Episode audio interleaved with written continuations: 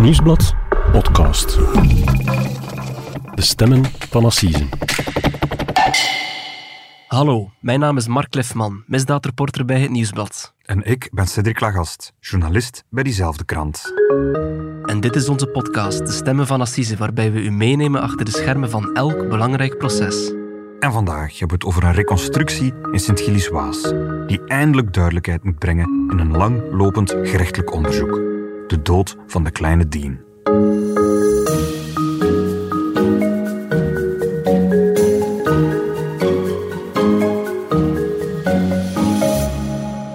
Dag Mark. Dag Cedric. Mark, eh, welkom in onze studio hier op Linkeroever. Dank u.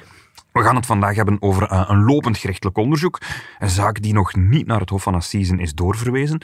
Eenvoudigweg omdat er nog heel veel onduidelijkheden zijn in de zaak. Maar wel een zaak die heel veel mensen beroert. En ik heb het dan over de dood van de kleine Dien Verbergmoes, die in januari dood werd teruggevonden in Nederland. Ja, klopt. In, eh, in Zeeland was dat, hè. Ja, we hebben al eens een podcast opgenomen over deze zaak. Onze vaste luisteraars zullen zich dat misschien nog herinneren.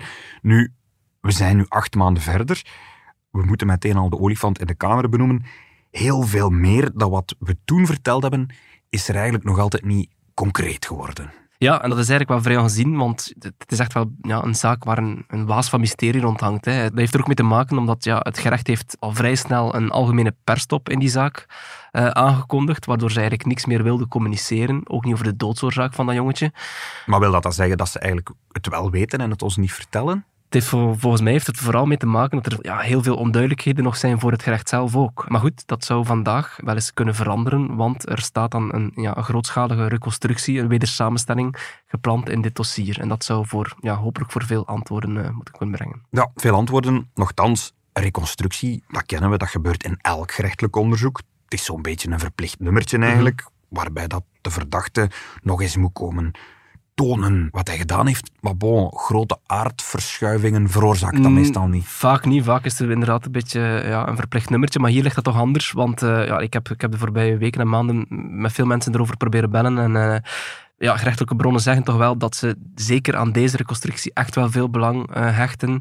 Er wordt veel van verwacht, want, want ja, deze reconstructie moet gewoon duidelijk maken wat is er echt gebeurd met die vierjarige Dien. Mama mist jou enorm. Mama houdt heel veel van jou, zusje mist je ook. Moeke mist je, vaker mist je.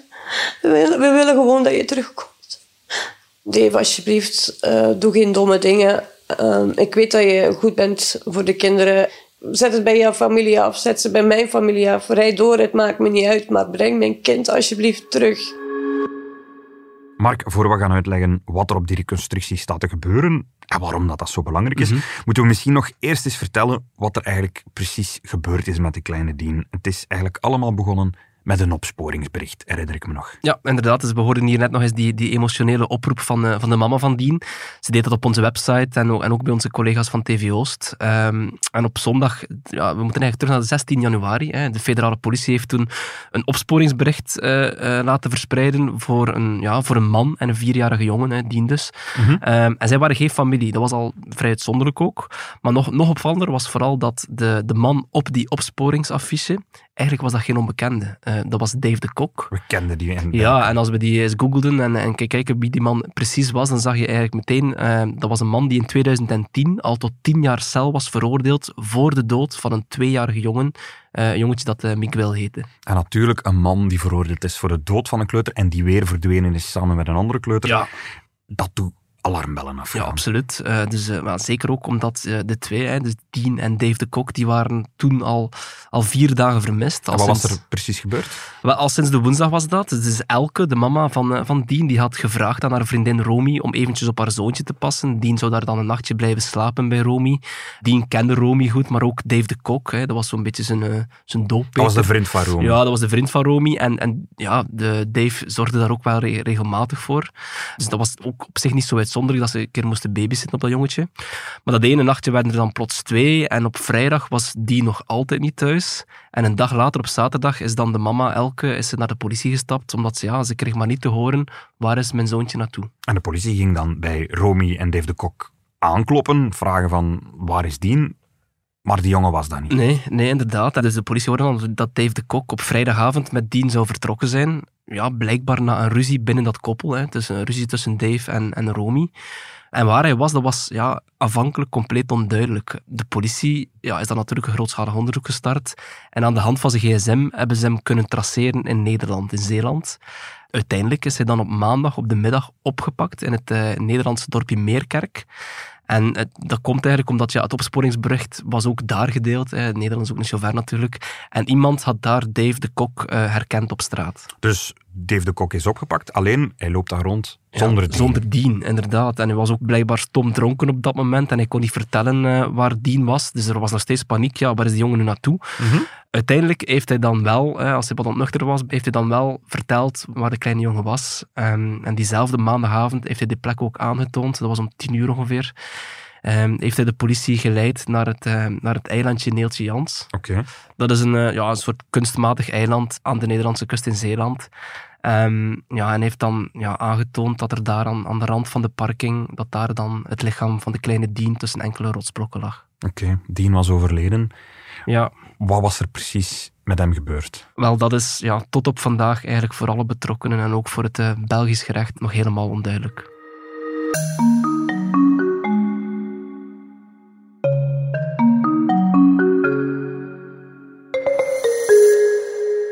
Mark, vandaag trekt het gerecht naar de Kerkstraat in Sint-Gilles-Waas. Ja. Politie en parket zullen daar een hele dag bezig zijn voor een reconstructie. De Kerkstraat, dat is de plek waar het appartement van Dave de Kok en Romy, zijn vriendin, is. Zij twee worden ook daarheen gebracht. Maar waarom precies naar daar? Want we weten natuurlijk, Dave de Kok die heeft dagenlang door Nederland mm -hmm. gezworven. Het lichaam is ook daar gevonden. Het lichaam is daar gevonden. Waarom is het zo belangrijk om naar dat appartement te gaan? Wel, om dat uit te leggen moeten we terug naar dinsdag 8 februari in Amsterdam. Dat was een, een belangrijke dag, omdat daar was toen een, een rechtszaak. Uh, ik ben er ook naartoe geweest. Dat was een rechtszaak over de, de overlevering van Dave de Kok naar ons land. Uh, je weet, België heeft meteen zijn, zijn uitlevering naar ons gevraagd om hem hier te kunnen ondervragen. Ja. Tijdens die zitting in Amsterdam maakte het Nederlands Openbaar Ministerie duidelijk dat zij ervan uitgaan dat Dien op Belgisch grondgebied om het leven is gekomen. En Belgisch grondgebied, dat moet dan het appartement in Sint-Gilles-Waas zijn. Inderdaad, want daar is dan Dave vertrokken die vrijdagavond met Dien. Nu, het was wel opvallend, die kleine Dien is nergens in Nederland opgemerkt, uh, die vier dagen. Dave de Kok heeft ook met, ja, heeft met verschillende mensen daar contact gehad, maar niemand zegt van ja, ik heb die kleine jongen bij hem gezien. Heeft er ook blijkbaar ook nooit met iemand over gesproken. Dus het Nederlands gerecht gaat er eigenlijk vanuit dat Dien nooit levend in Nederland is geweest. Dat hij al Inderdaad. dood was toen hij in België is vertrokken, eigenlijk. Ja. En, en wat zegt Dave de Kok daar zelf over? Wel, dat was ook opvallend tijdens de zitting. Daar heeft hij eigenlijk duidelijk gemaakt van kijk, ik ben niet schuldig aan moord. Het enige wat je mij misschien kan verwijten is dat ik ja, te weinig hulp heb geboden. Dat het een ongeval was? Daar leek het inderdaad op.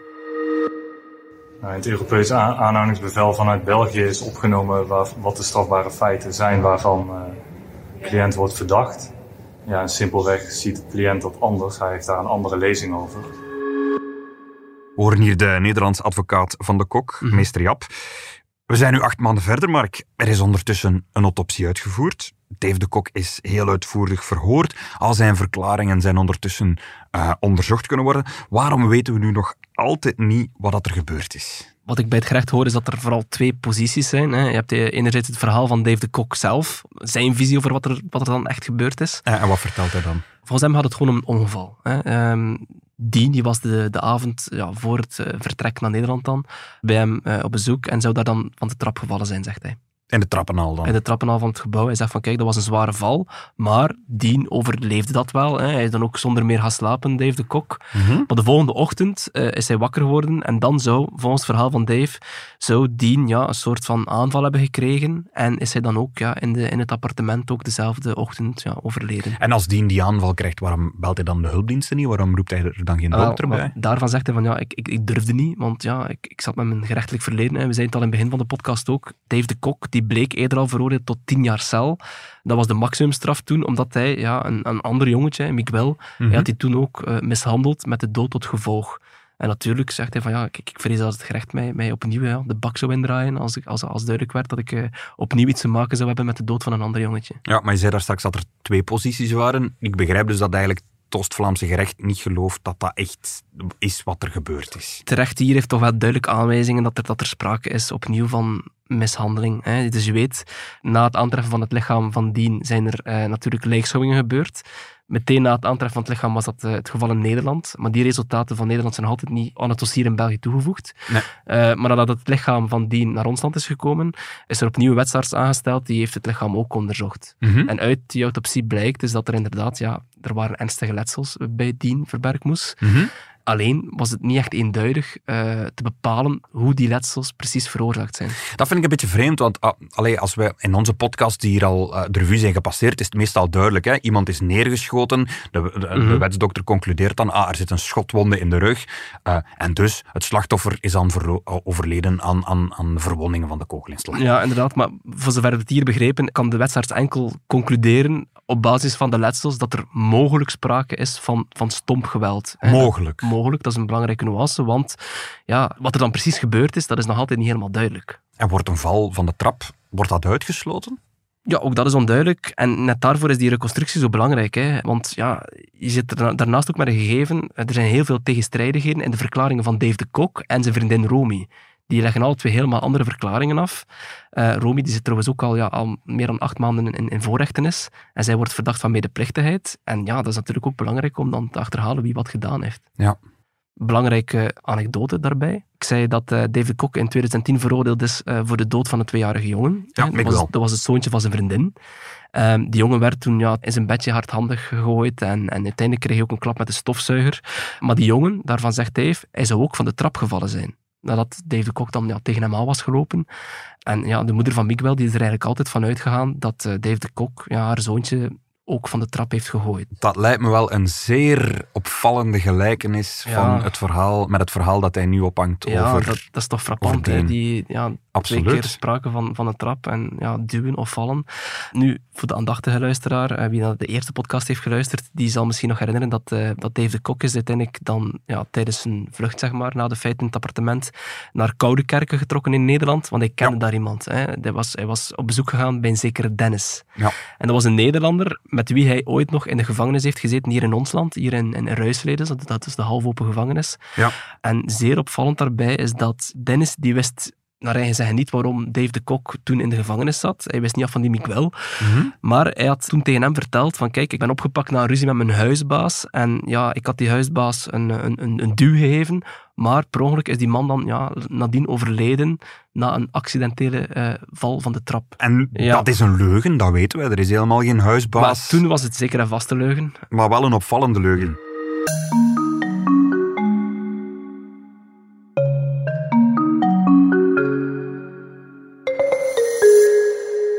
Mark, je hebt zo net uitgelegd waarom die reconstructie zo belangrijk is. Het moet eigenlijk de mist rond de dood van Dien Verbergmoes een beetje eh, ophelderen. Kan je ons een beetje uitleggen hoe dat zo'n reconstructie eigenlijk verloopt? Wel, het gerecht probeert dat altijd te doen op de exacte plek waar de misdaad heeft plaatsgevonden. Eh, hier in dit geval is het dus, zoals we zeiden, dus het appartement van Romy en Dave de Kok in Sint-Gilles-Waas. Ja. Soms wordt daar wel een keer van afgeweken. Wordt die plek ook nagebouwd. Eh, bijvoorbeeld eh, in, in onze vorige podcast hadden we het over de, de veelbesproken campingmoord. Hè. Er was wat een moord op een man in een caravan. Ja. ja, die caravan is uiteindelijk helemaal moeten afgebroken worden omwille van het vele bloed en, eh, en noem maar op. En ja, dus dan hebben ze die caravan proberen nabootsen. Ik herinner me ook nog zo'n verhaal. De moord op Ariane Mazijn, die is pas na 28 jaar opgehelderd. Ja. Stefan de Lyon wordt daarvan eh, verdacht. Nu, ze hebben daar ook een reconstructie van gehouden. Dat gebeurde eh, in een politieschool in Antwerpen. Ja. In een nagebouwd appartement, omdat het appartement waar de moord gepleegd zou zijn, eigenlijk na 28 jaar, dat bestaat niet meer, dat is afgebroken. Dus ze konden niet anders dan, dan heel dat appartement Nee. reconstrueren. Maar in, in, allee, in de mate van het mogelijke proberen ze dus wel echt naar de, naar de exacte locatie terug te keren. Ehm, soms ook als, als, de, als de misdaad buiten is gebeurd, proberen ze dat ook te, te reconstrueren op dezelfde moment van het jaar. Hè. Dus om, om, om identieke weeromstandigheden eh, te hebben als toen het gebeurd was. Hè. Dezelfde stand van de zon kan belangrijk zijn. Is het nacht? eh, is het overdag? Ik herinner bijvoorbeeld de reconstructie van de kasteelmoord, de moord op Stijn Stales. Daar is ook een grote reconstructie van geweest. Ja. En daar is een tijdje stilgelegd geweest, omdat op de dag van de moord had het gesneeuwd. En op de dag van de reconstructie, was ongeveer dezelfde periode, lag er geen sneeuw. En er was een van de advocaten, Hans Rieder zelf, die die eh, reconstructie wou laten stilleggen, omdat er geen sneeuw was. Eh, En nog een ander voorbeeld, we hebben hier onlangs gehad in onze podcast over de moord op de weldoener eh, Johannes van Wordragen.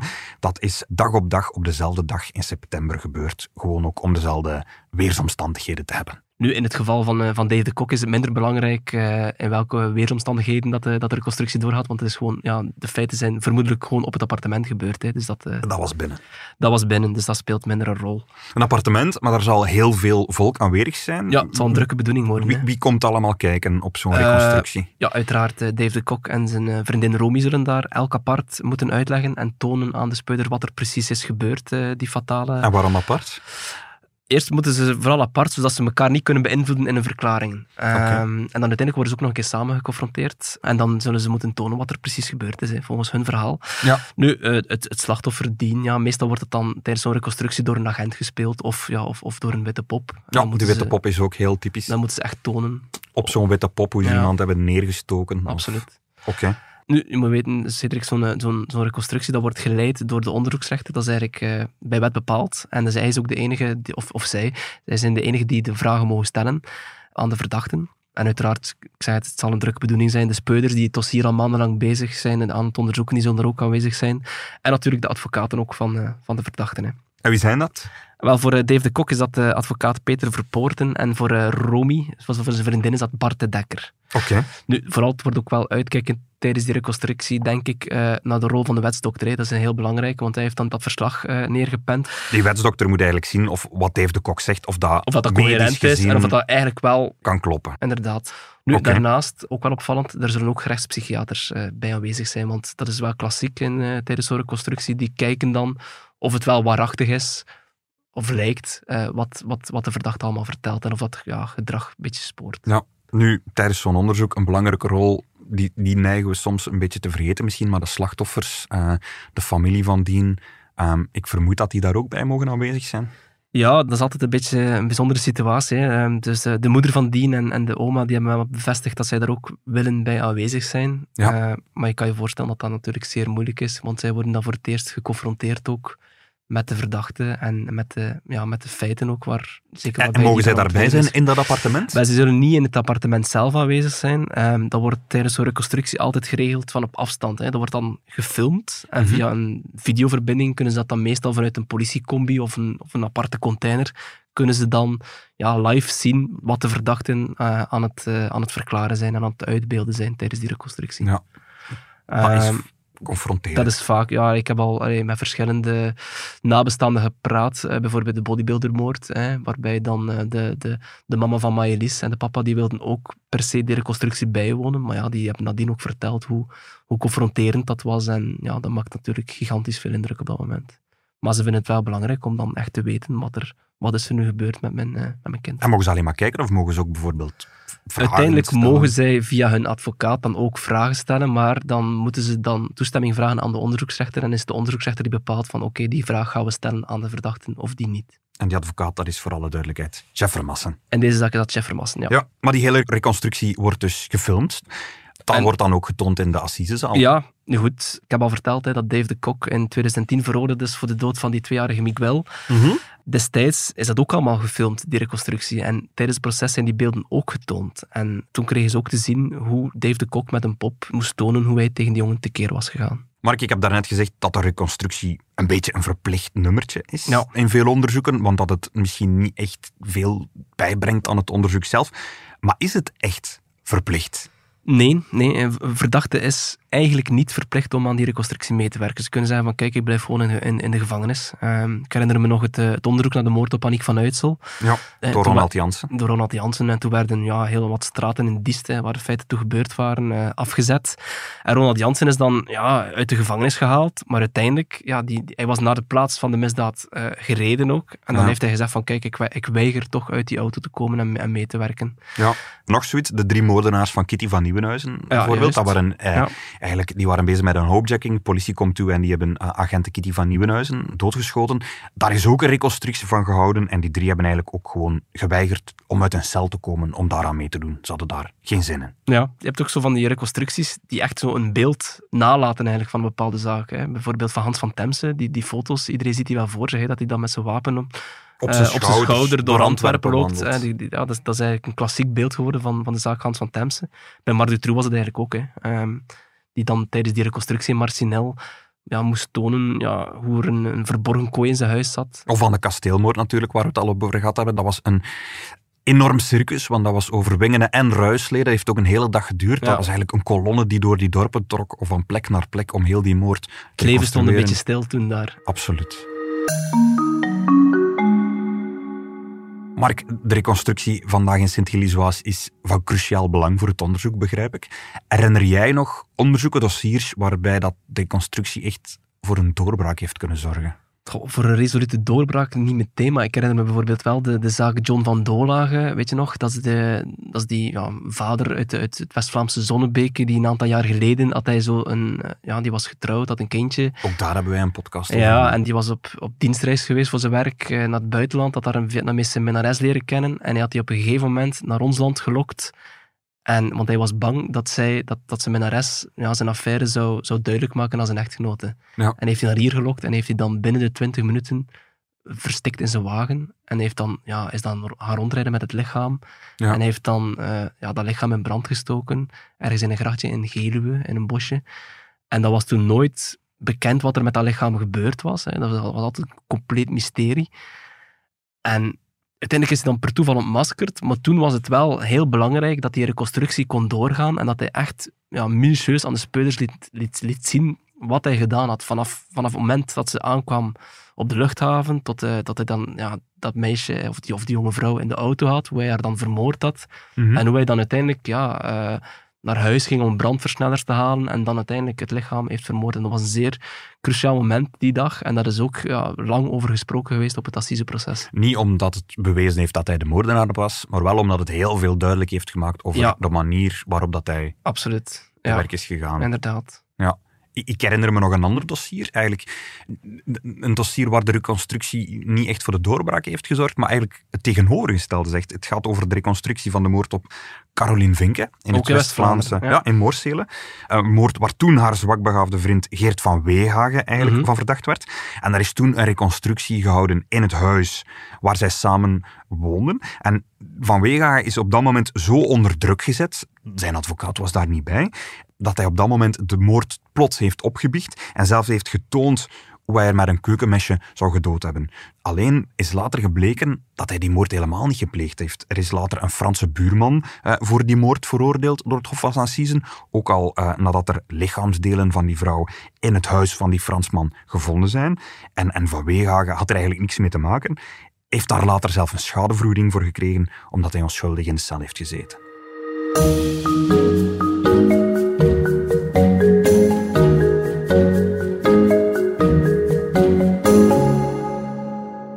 Mark, wanneer zullen we weten wat er op de reconstructie in Sint-Gilles duidelijk is geworden? Ja, dat is een beetje de vraag. Ik vrees dat dat niet voor eerst dag zal zijn, want eh, zoals we zeiden, er is een algemene perstop aangekondigd in dit dossier en, en het parket is zeer discreet op vraag van de onderzoeksrechter over de details. En ja, de vraag is natuurlijk... Allee, ik verwacht dat ze wel zullen zeggen eh, of de verdachten al dan niet eh, goed hebben meegewerkt tijdens die reconstructie. Ja. Maar ik verwacht ook dat, dat de advocaten, dat er benadrukt zal worden dat zij niks zullen mogen zeggen. De wet zegt trouwens ook dat, ja, dat een advocaat geheimhoudingsplicht heeft. Dus in principe, als ze, als ze dat schenden, riskeren ze in theorie zelfs een, een gevangenisstraf. Dus. ja. En is het de enige reconstructie die in dit dossier eh, zal plaatsvinden? Nee, daarvan verwacht ik dat er wel nog een wedersamenstelling zal komen. Wellicht over de, de rit die Dave de Kok ja, door Nederland heeft gemaakt. Hè, op het moment dat hij dan vertrokken is uit Sint-Gilles-Waas. Ja. En ja, uiteraard ook het moment eh, waarop en hoe hij dan het lichaam van Dien heeft achtergelaten op het eh, eiland eh, Neeltje Jans. Dat zal misschien in januari gebeuren, als de Ja, weeromstandigheden... wie weet. Hè. Dat zou best kunnen, zijn. ja, absoluut. Ja. Ja. Maar goed, ja, dat, dat, dat- ook daar, dat is, dat is in Nederland en ja, daar is, daar is ja, samenwerking en medewerking nodig van het Nederlandse gerecht. Dus dat, is, dat is allemaal een beetje af te wachten. Oké. Dankjewel, Mark, om het ons hier ehm, helemaal te komen toelichten. Met veel plezier. Ook om te komen vertellen wat de reconstructie nu precies is. Mhm. Voor we afsluiten, moeten we misschien toch nog eens terug naar de Assisezaal in Brugge.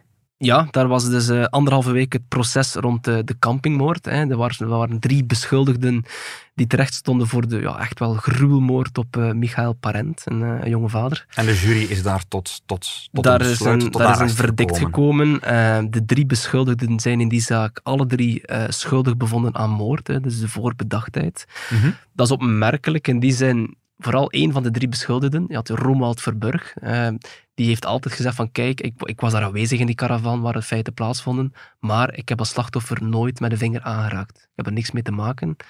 Op het proces bleek ook dat hij resoluut voor de vrijspraak ging voor moord. Ja. Het enige wat hij toegaf is van ja, nadien hebben ze mij gebeld en gevraagd van kijk, wil jij het lichaam uh, wegdoen, het lichaam verbergen van het slachtoffer? Ja. En dat geeft hij wel toe. Nu goed, uiteindelijk is de jury tot het verdict gekomen dat ze wel degelijk alle drie schuldig zijn bevonden aan moord. Dus Romuald ook. Ik vermoed ook omdat de, de feiten zo gruwelijk waren en er is ook een hele lange tijdspanne aan voorafgaan. Romuald had ook altijd de kans om zich terug te trekken en dat heeft hij nooit gedaan. En, dat is En hem welke straffen hebben ze gekregen? Wel, de twee hoofdbeschuldigden, zeg maar, eh, dat zijn de twee die het slachtoffer het meest hebben toegetakeld. Zij hebben elk 27 jaar eh, gevangenisstraf gekregen. En dat is wel opvallend voor eh Romuald. Die was, ja, voor het proces was hij al twee jaar op vrije voeten, hè, voorwaardelijk vrij. Ja. En die is nu veroordeeld tot 23 jaar eh, gevangenisstraf. Dus van twee jaar vrij naar 23. Dus Dat die is, moet eh, opnieuw de gevangenis die, moet, eh, ja, die zal in de gevangenis blijven nu. Ja. Oké, ook hiervoor heel erg bedankt, Mark. Graag gedaan. Ehm, hiermee zijn we helemaal rond. En we zijn er volgende week opnieuw met een nieuwe aflevering van De Stemmen van Assisen. Tot volgende week. Dit was De Stemmen van Assisen, een podcast van het Nieuwsblad. De stemmen waren deze week van Mark Cliffman en van mezelf, Cedric Lagast. Onze dank gaat uit naar TV Oost voor het gebruik van enkele audiofragmenten. De montage gebeurde door Benjamin Hertogs van House of Media en de productie was in goede handen bij Bert Heijvaart.